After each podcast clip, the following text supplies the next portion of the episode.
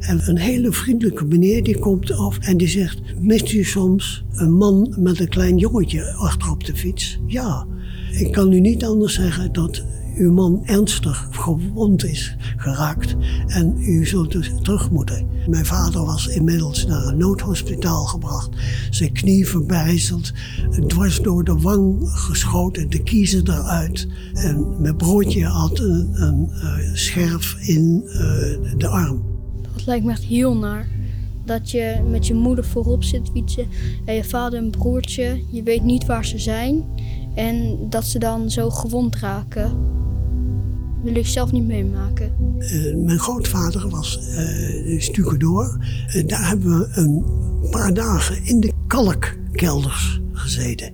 En op een gegeven moment, opa had een gat in de, in de muur gemaakt voor frisse lucht. Verscheen er ineens een arm met een witte brood. De buurman die uh, een restaurant had, die, uh, die, zei: We zijn vrij. De deze lopen over de straat. Ik zou echt heel blij zijn dat het dan eindelijk dat je niet meer opgejaagd wordt. Dat je gewoon weer vrij kan leven. Je luistert naar de podcastserie Ik Kom Terug waarin je verhalen hoort van de ruim 100.000 mensen die de slag om Arnhem hebben meegemaakt. In 1944 moesten ze hals over kop hun huis verlaten.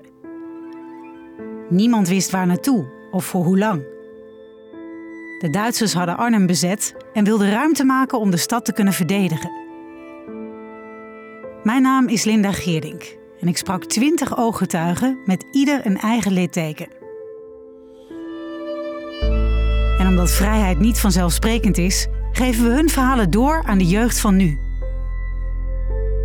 In deze aflevering het verhaal van Jan Kelkers uit Oosterbeek door de ogen van de 12-jarige Tom. Samen met dichter Jesse Laporte maakte hij een gedicht voor Jan. Ik ben Tom, ik ben 12 jaar en ik woon in Oosterbeek en ik ben de kinderburgemeester van de gemeente Renkum. Waarom heb je ervoor gekozen om mee te doen aan dit project? Omdat het een nagebeurtenis was en iedereen moet weten dat het nooit meer mag gebeuren. En dat wat is gebeurd, dat kan echt niet. De familie Kelkes zat tijdens de slag om Arnhem in de kelder van hun huis aan de Paul Krugerstraat in Oosterbeek. Al snel wordt het te gevaarlijk en moeten ze hun spullen pakken. De zesjarige Jan vindt samen met zijn vader, zwangere moeder en zijn broertje Ben een schuilplaats in Huizen Overdal in Oosterbeek. Na een voltreffer op de kelder vlucht het gezin naar Apeldoorn. Wat herinnert u zich nog van die evacuatie? In de eerste plaats uh, dat we eruit moesten uit de kelder in Overdal. En uh, we hadden vreselijk last van uh, onze oren, want er was een granaat in het keldergat ontploft. En een heel veel stof en, en iedereen was doof door die enorme klap. Wat denk je als je dit zo hoort? Dat is echt heel heftig. Uh, je zit naar een kelder, je denkt dat je veilig bent, komt er opeens een bom aan en dan ben je slechthorend. Lijkt me echt heel naar. En dan ben je ook bang, want je, het kon ook anders gaan dat je dood was. Zo. En uh, wij zijn toen op de fiets naar Apeldoorn gegaan. En uh, onderweg uh, in Oosterbeek, onder andere langs station Oosterbeek Hoog. Daar lagen heel veel Britse, gesneuvelde Britse soldaten. Dat herinner ik me enorm goed. Die beelden zie ik steeds voor ogen. ik vond het sneuvel omdat hij trauma's heeft gekregen door al die gesneuvelde soldaten. Ook daarvoor, voordat we in Overdal kwamen, uh, vanuit de Paul Krugerstraat, hebben we dat op de Stationstraat en de Denenkampweg ook meegemaakt. Schietende Duitsers tegen Engelsen. En er lagen ook doden. En uh, we zijn uh, met de fiets dus uh, richting Apeldoorn gegaan.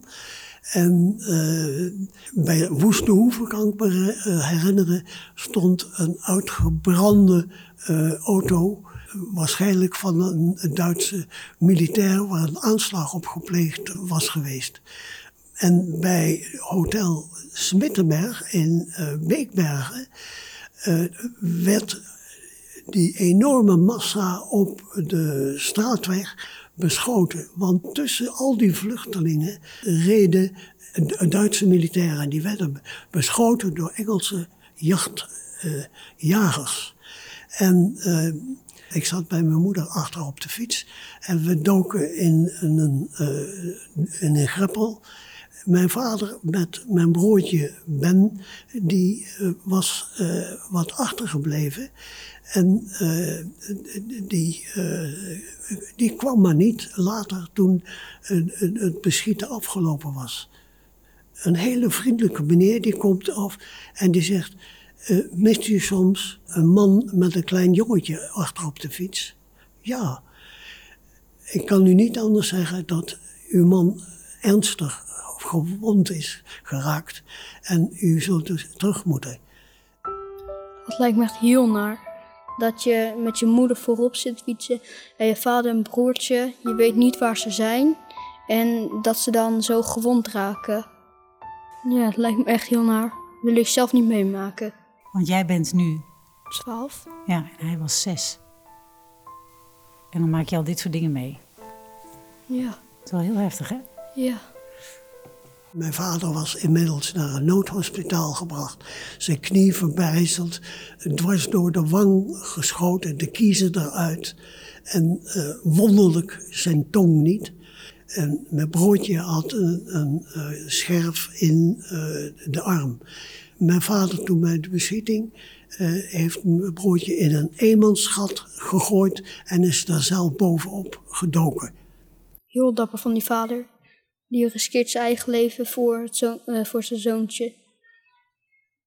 En u ging met uw moeder door? En wij zijn toen doorgegaan naar familie, uh, omdat de vader van mijn moeder uh, in Apeldoorn woonde aan de Stationstraat. En daar hebben we uh, de oorlog verder doorgebracht. Hoe moeilijk was het om zonder broertje en vader verder te gaan? die waren in goede handen, dus we, we moesten wel wij moesten wel. En uh, ja, dat is natuurlijk de, de, emotie als kind van zes jaar is uh, toch wat anders als uh, de emotie van een moeder die in verwachting is. Dat je man zwaar gewond is en je kind, die je jaren verzorgd hebt, ook daar in het ziekenhuis ligt. Zag u dat ook aan uw moeder? Was ze geëmotioneerd? Ja, die was duidelijk uh, geëmotioneerd. En uh, omdat mijn moeder ook een gevoelsmens uh, is, of was. En mijn moeder leeft uiteraard lang niet meer. En nou is alles gelukkig goed gekomen. Mijn broertje die is na veel bezoeken aan het ziekenhuis in Apeldoorn zelf, onder andere het Juliana ziekenhuis, wat nu inmiddels afgebroken is en uh, in, opgenomen is in het Gelderen ziekenhuis, uh, is daar uh, vaak behandeld. En dat is gelukkig goed gekomen. Zijn pees was doorgeschoten. En op een of andere manier is die pees toch weer aan elkaar gegooid. Mijn vader heeft na veel operaties altijd slecht kunnen lopen, maar heeft zijn werk op de Hevea-fabrieken altijd verder goed kunnen doen. En hoe zijn jullie als gezin uiteindelijk herenigd? Uh, mijn vader is tijdelijk uh, toen vanuit Beekbergen overgebracht naar een noodhospitaal in uh, Apeldoorn aan de Lolaan. En de, mijn moeder en de familie kon daar uh, hem bezoeken. En is op een gegeven moment, toen het genezen was, is die gewoon naar huis in Apeldoorn aan de stationsraad 19 gekomen. En heeft verder ook de oorlog meegemaakt. Ja, want u kwam dus in Apeldoorn te zitten. Hoe zagen de dagen daar eruit? Ehm, ik heb zelf nog, omdat ik de leeftijd had om naar school te moeten, nog een aantal weken naar school gegaan.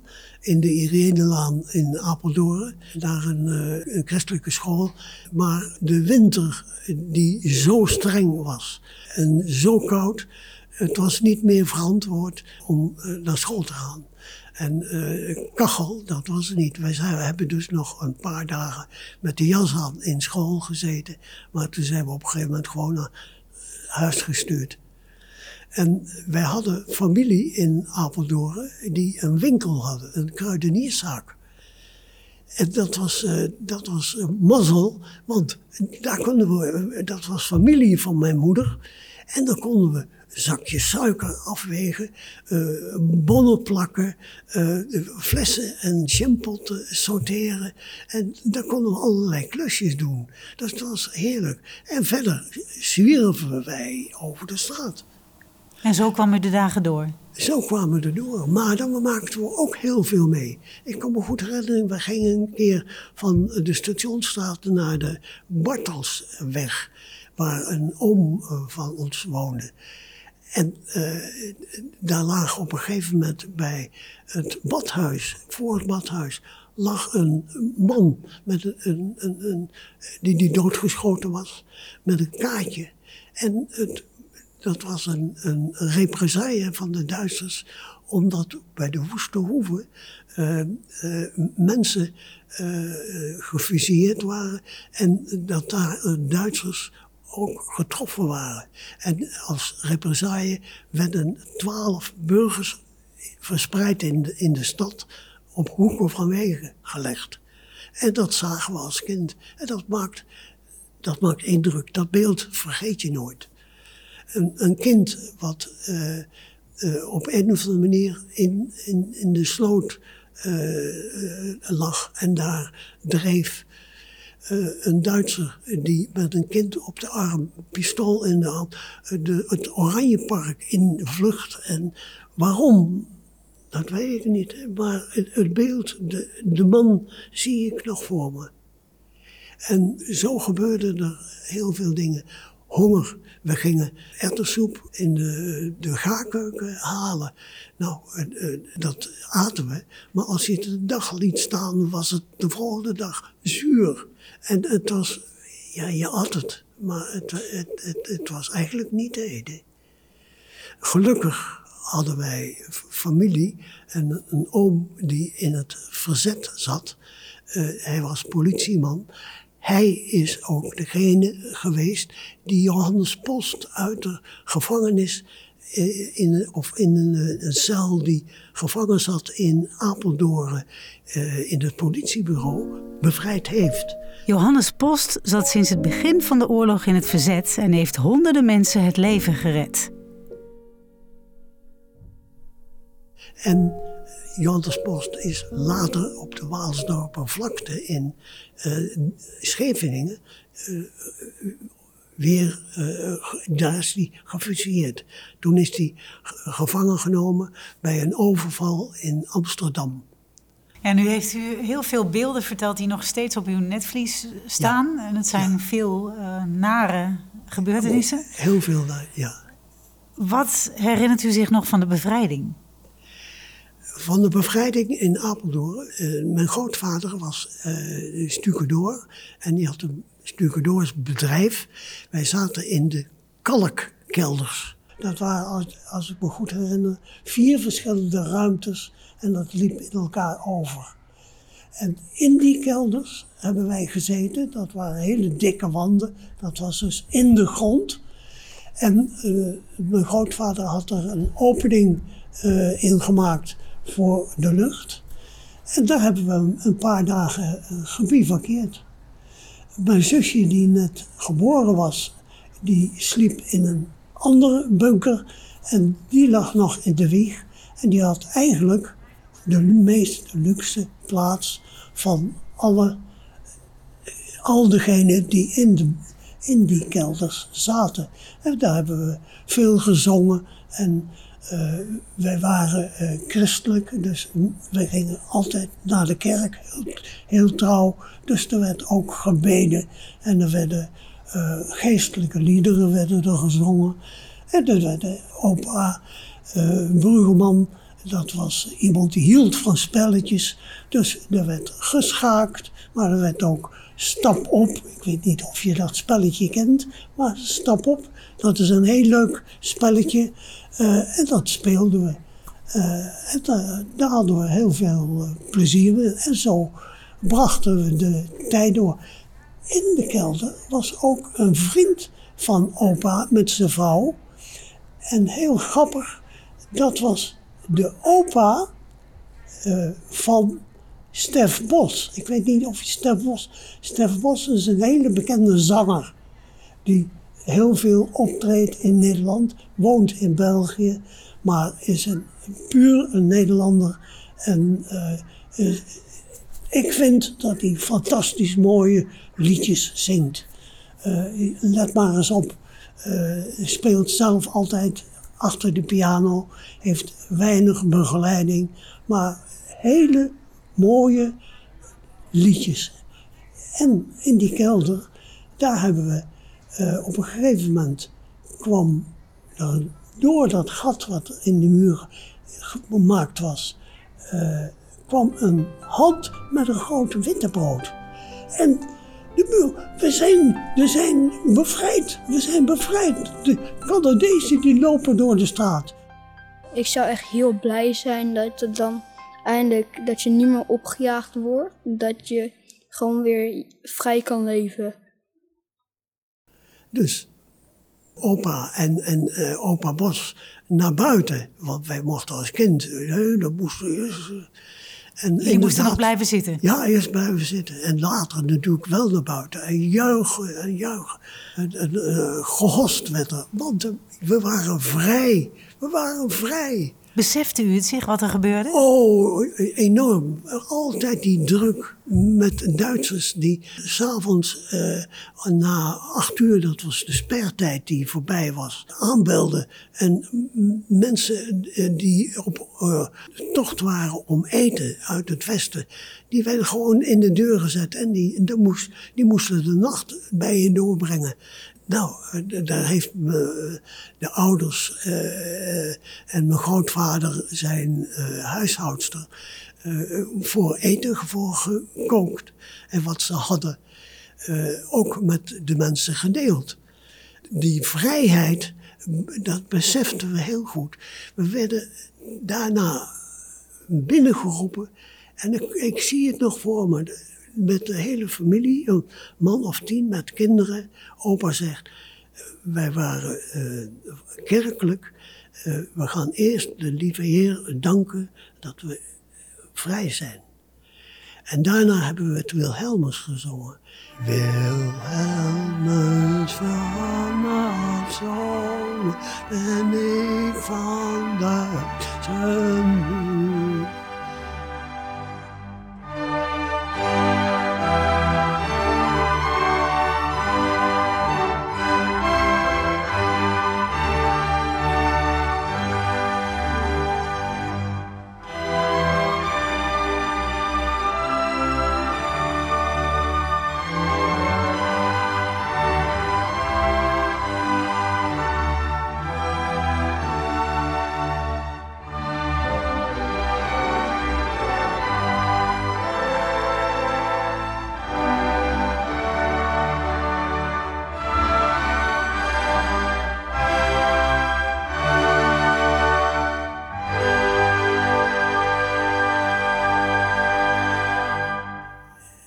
En iedere keer als ik het Wilhelmus weer hoor, dan moet ik aan dat beeld denken.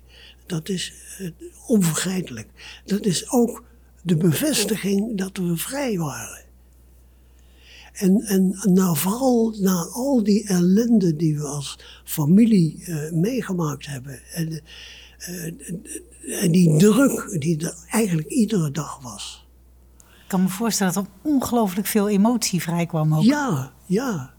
En dat beeld is natuurlijk jarenlang, eh, eh, echt, dat waren traumatische ervaringen. Als kind heb ik er heel veel last van. Ook later op, op school, op de ULO. Ik heb het uiteindelijk een diploma gehaald. Maar het, ging heel slecht de eerste jaren. Altijd dat beeld van al die ellende. Geen, geen vertrouwen in, in de toekomst, eh, noem maar op. Uiteindelijk ben ik er overheen gekomen. Alleen maar, en dat, en dat kan ik rustig zeggen, door mijn geloof. Door vast geloof in dat er een redder is die uiteindelijk het voor het zeggen heeft. Na de bevrijding gaat Jans vader kijken of ze terug kunnen naar Oosterbeek. Maar het huis is zo zwaar beschadigd dat het gezin onderdak moet zoeken bij de andere opa van Jan in Wolfhezen. Wat ik me ook kan herinneren was uh, toen wij een jaar bij mijn grootvader in Wolfhezen aan de Duitse kampweg 9 uh, kwamen, dat daar negen of acht Britse militairen begraven waren. Met mijn grootvader heb ik die graven uh, verzorgd onkruid weg en bloemetjes erop en eh, dat het verzorgd was. Dat waren we verplicht om de mensen die ons wilden bevrijden, om die te eren. En die uh, graven zijn een poosje later, enkele maanden later, opgegraven door uh, specialisten. Wij mochten helemaal niet naar buiten, de gordijnen moesten dicht. Maar die zijn toen overgebracht naar het kerkhof in, in uh, Oosterbeek. Als dank zijn 50 jongelui uit Oosterbeek toen rond de inhuldiging van koningin Elisabeth II uh, aanwezig geweest in uh, Londen, in Woolwich. En hebben de koningin een paar dagen later zelf ontmoet. We hadden een schitterende bos bloemen, rood, wit, uh, blauw en nationale kleuren.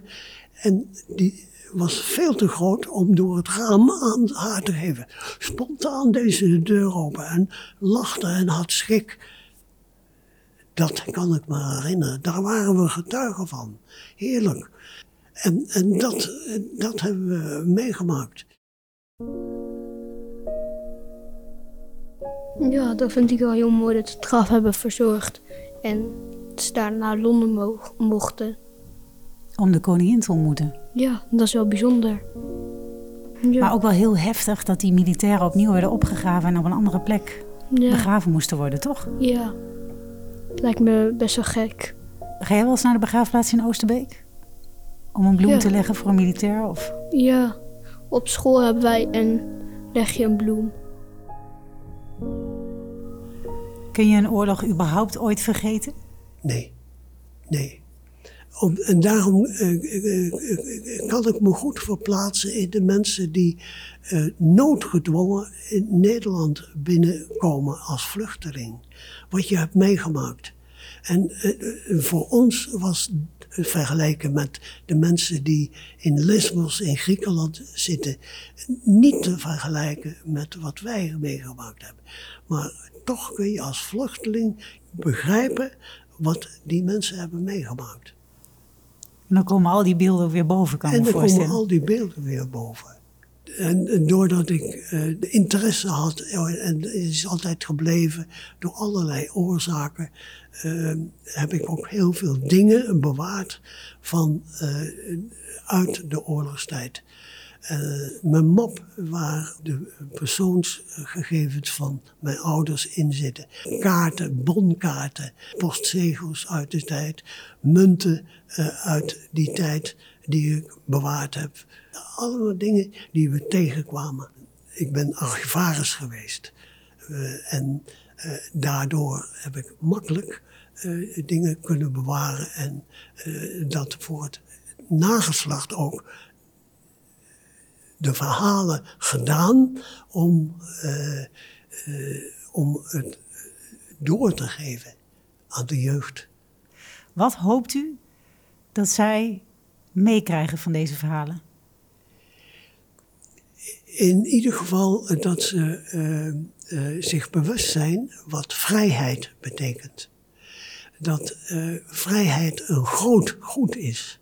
En, en dat altijd vast moeten houden om eh, problemen tussen mensen, tussen volken, tussen, eh, noem maar op, om die te vermijden. Wat oorlog voor gevolgen kan hebben. Maar lukt dat ook als je nooit een oorlog hebt meegemaakt? Uh, dat uh, zou denk ik wel kunnen als je de verhalen uh, gehoord hebt. Ik denk aan mijn kleinkinderen. Zij, ik heb mijn kleinkinderen verteld over wat mij is overkomen. En zij zaten in, in, op een internationale school en hebben een verslag daarvan gemaakt. En dat verslag is weer publiekelijk gemaakt op de school. Dus zij hebben een bewustzijn wat vrijheid betekent.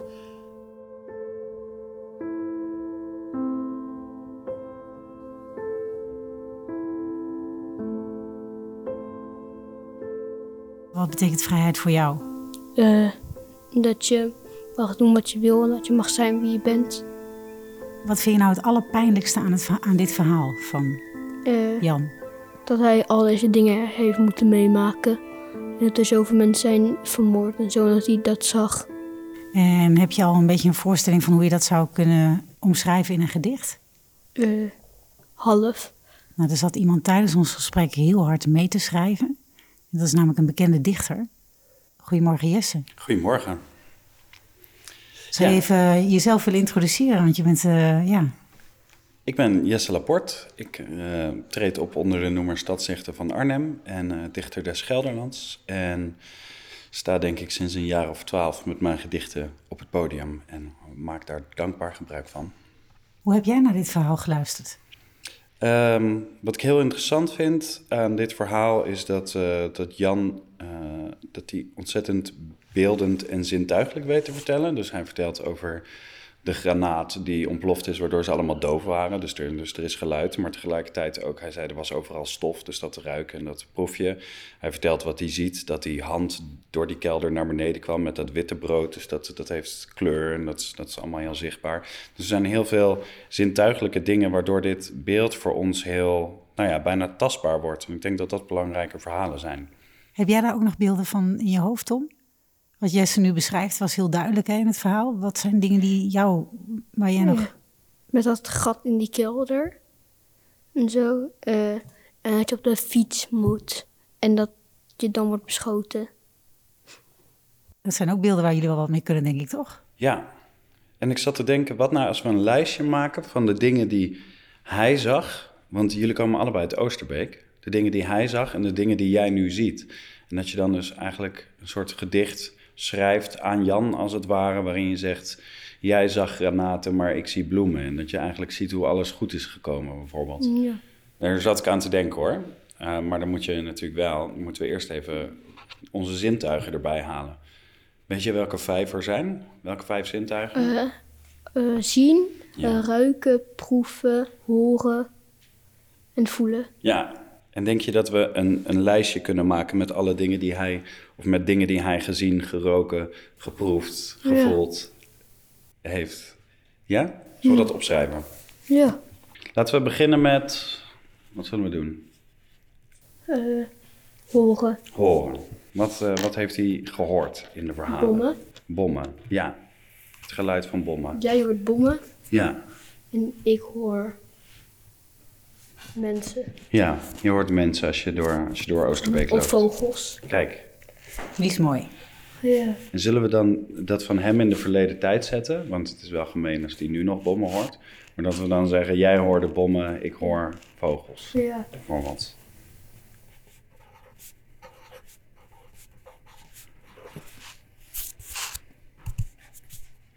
Even kijken. Dan hebben we horen gehad. Voelen. Wat zullen we doen? Voelen. Wat heeft hij gevoeld? Uh, Heb je iets onthouden? hij voelde zich verdrietig. Ja, ja, natuurlijk.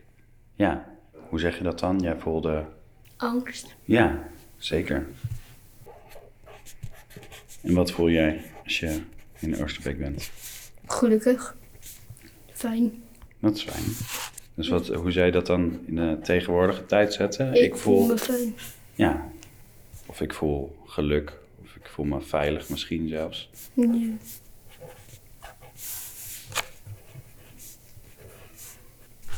Dan hebben we horen hebben we gehad. Hebben we voelen gehad. Wat hebben we dan nog meer? Ja. Jij ziet. ja. Of hij Jij- zag eigenlijk. Ja, hij zag slachtoffers. Jij- Lijken. Sorry? Jij zag lijken. Jij zag lijken, ja. En stel nou dat hij dat zou lezen. Zou je dat dan zo opschrijven? Net een beetje sneu voor hem. Het, ja, het is misschien net wat hard. Hoe zou je dat dan eh, misschien nog meer kunnen omschrijven? Jij zag eh, verdriet. Ja, zeker. En ik zie liefde. Kijk, Zo. Mooi. dat is mooi. Ja. Ondertussen ben je gewoon aan het dichten. Ja?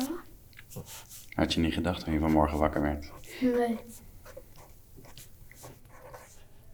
Dan hebben we er nog één over. Het is misschien leuk als we dan een beetje hoopvol kunnen eindigen. Snap je? Ja. Dus de laatste is, weet je welk, welk de laatste Ja. zintuig is? Pro- eh, proeven. Ja. En ik vond het eigenlijk wel heel mooi dat Tom vertelde wat hem het meest is bijgebleven. Dat hij het vervelend vindt dat hij nog zo'n trauma eraan over heeft gehouden. Ja, dat zei je. Dus dat hij eigenlijk misschien wel hoopt dat hij daar... Ja, ik weet niet of je er ooit overheen kan komen, maar dat je daar iets mee kan doen. Misschien. Ja, maar wat moeten wij proeven dan zetten? Nou, je moet niks. Ja. Ehm, maar we zouden ook een ander woord kunnen verzinnen. Iets dat niet letterlijk eten is, bijvoorbeeld. Dus wat proeft iemand die heel graag wil dat zijn trauma's verdwijnen, bijvoorbeeld? Jij proeft de hoop. Wauw.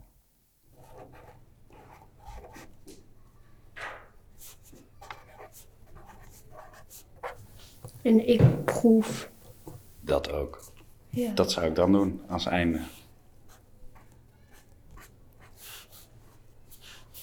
Tenminste, proef jij hoop? Heb je het gevoel dat het allemaal goed komt? Hier in de Arnhem, in de wereld? Ja. Ja, gelukkig. Ik onderteken hem ook even. Ja, van de ene Oosterbeker naar de ander. Ja.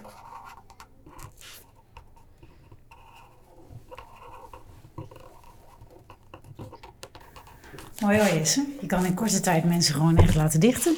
Het is gelukt. Ik heb mijn eerste gedicht geschreven. Gefeliciteerd. Dankjewel. Hoe voelt dat? Ik voel me nu echt wel een dichter. Maar of ik het later ga worden, dat weet ik niet echt. Je mag hem voor mij nog heel even voorlezen. Oh Ik ja. wil, wil hem nog heel veel horen wat het uiteindelijk is geworden. Een microfoon gewoon. Ja hoor, ja, tuurlijk. We willen het allemaal horen. Jij hoorde bommen, ik hoor vogels. Jij voelde angst en ik, ik voel me veilig. Jij zag verdriet, ik zie liefde. Jij rook stof, ik ruik frisse lucht. Jij proef, dus haakjes, de hoop en ik proef ook hoop.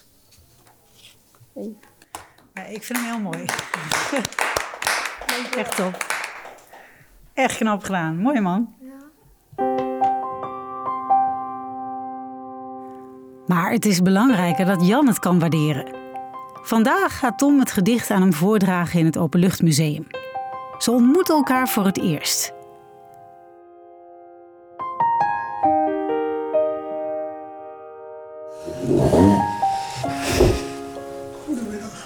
Oh, Jan Kelkers, ik ben Tom Tom en de achternaam. Erens. Erends. Tom Erends. Oké, aangedaan. Bijzonder hè, dat je hem nu in het echt ziet. Mhm. Want Tom heeft uw eh, verhaal gelezen en gehoord. Ja, En eh, ja, misschien kan je een beetje vertellen, Tom, wat jij ervan vond. Wat het met je heeft gedaan. Eh, ja, het was een heftig verhaal. Eh, het lijkt me heel naar mee te maken. Ik zou het nooit willen meemaken. En ik vind het knap dat je erover durft te vertellen. fijn, dank je. Dat is, eh, het was ook een ingrijpende gebeurtenis. eh, wat eh, voor een groot deel mijn leven ook bepaald heeft. Ja. Hè, dus eh, Tom heeft uw verhaal gehoord. ja, en hij heeft iets voor u gemaakt. Oh, Eh, ik heb een gedicht voor je gemaakt van jouw tekst. fantastisch. Of een gedicht. En ja, eh, van jouw zintuigen. Met wat jij hoort, hoorde en wat ik hoor en zo. Moet je voorlezen? Jij hoorde bommen, ik hoor vogels. Jij voelde angst, ik voel me veilig. Jij zag verdriet, ik zie liefde. Jij rook stof, ik ruik frisse lucht. Jij proeft, dus haakjes de, hoop en ik proef ook hoop. Wat mooi, jongen. Hartstikke mooi. Goed, Dank je. goed. Zou ik hem nu aan geven? Hartstikke mooi. Jou. Ontroerend, ontroerend mooi. Dank, Dank je. dank je wel. Ja, achter het gedicht zit een foto. Wat mooi. Weet je wie dat zijn? Dit is je moeder, dit is je vader. Ik denk dat dit je broertje is, dit ben jij. En dat is je zusje. Ja, en, en dit, dit ben ik. En dat is broer Ben, die, die leeft niet meer, die is gestorven. En dat is mijn zus. Toevallig heb ik haar gisteren, die woont in Emmeloord, heb ik haar gisteren nog gesproken. Die foto, die is genomen door een Engelse militair die bij ons in Oosterbeek in huis gezeten heeft. Mijn moeder heeft soep en eten gekookt als wij nodig. Die Engelsen aten ook mee. Er waren er vier. Twee zaten boven en twee in de kelder en, die wisselden elkaar af. Maar vind ik hartstikke op. Echt, ben ik heel blij mee. Dank je wel. Alsjeblieft. Ja, ik krijg een heel mooi plekje. Eh, ik wil alleen, eh, wil jij misschien mijn adres weten als jij nog vragen hebt? Moet jij voor school een opstel maken? Dan kom ik naar jou. Wat zeg je? Dan kom ik naar jou. Dat kan ook. Dan, eh, ben je welkom. Dan eh, geef ik je het adres, telefoonnummer. En dan, Maar dan weten jullie elkaar dus te vinden. Op het moment dat jij een opstel moet maken, dan zoekt Tom u op. Ja, mooi. Je luisterde naar de podcastserie Ik Kom Terug. Wil je meer evacuatieverhalen horen? Luister dan hier naar andere indrukwekkende herinneringen. Zo ook het verhaal van Henk Teunissen. Hij was elf toen hij met zijn ouders en broers Arnhem moest ontvluchten. Ik, eh, ik weet nog wel dat ik met een, toen ik daar in Casanova even was, er stond een, een hand, handkar, zo schuin, van hout. En daar kwam weer een luchtalarm. Hè? En dan hoorde je dat ding loeien. En de buurjongen van Albers, die kwam er ook. En die ging daaronder zitten. En ik ging naast hem zitten. En dan ik ja, een klap op die kar. Eh, Inslag van een een of andere granaat. Die jongen was een slag dood. Zijn hoofd hing ernaast. Ja, en ik zat ernaast. Hier de achterkant en, en dan zag je, die dreef helemaal van bloed. Ja, Heftig. Ik, ik kan het me echt niet voorstellen, maar hij lijkt echt heftig. Nou, aan zijn stem merkte ik ook wel een beetje dat hij iets... eh, je, hij trilde iets. Iets van een beetje van angst of zo, of verdriet. De verhalen van ooggetuigen worden steeds zeldzamer. Deel daarom deze podcast, zodat iedereen hoort dat vrijheid niet vanzelfsprekend is. Deze podcastserie is mogelijk gemaakt dankzij de samenwerking tussen Airborne Museum Hartenstein, het Nederlands Openluchtmuseum, de Airborne Region, Bureau Kessel en de NOW Foundation. Met steun van provincie Gelderland, Programma Vrijheid, gemeente Arnhem, VSB-fonds en het V-fonds. De redactie werd gedaan door Marieke van Kessel. De montage lag in handen van Linda Geerdink. En de eindmix deed Peter Kluiver. Wij hopen natuurlijk dat veel mensen gaan luisteren en daarvoor helpt het wanneer je een recensie achterlaat bij Spotify of Springcast. Graag tot de volgende aflevering.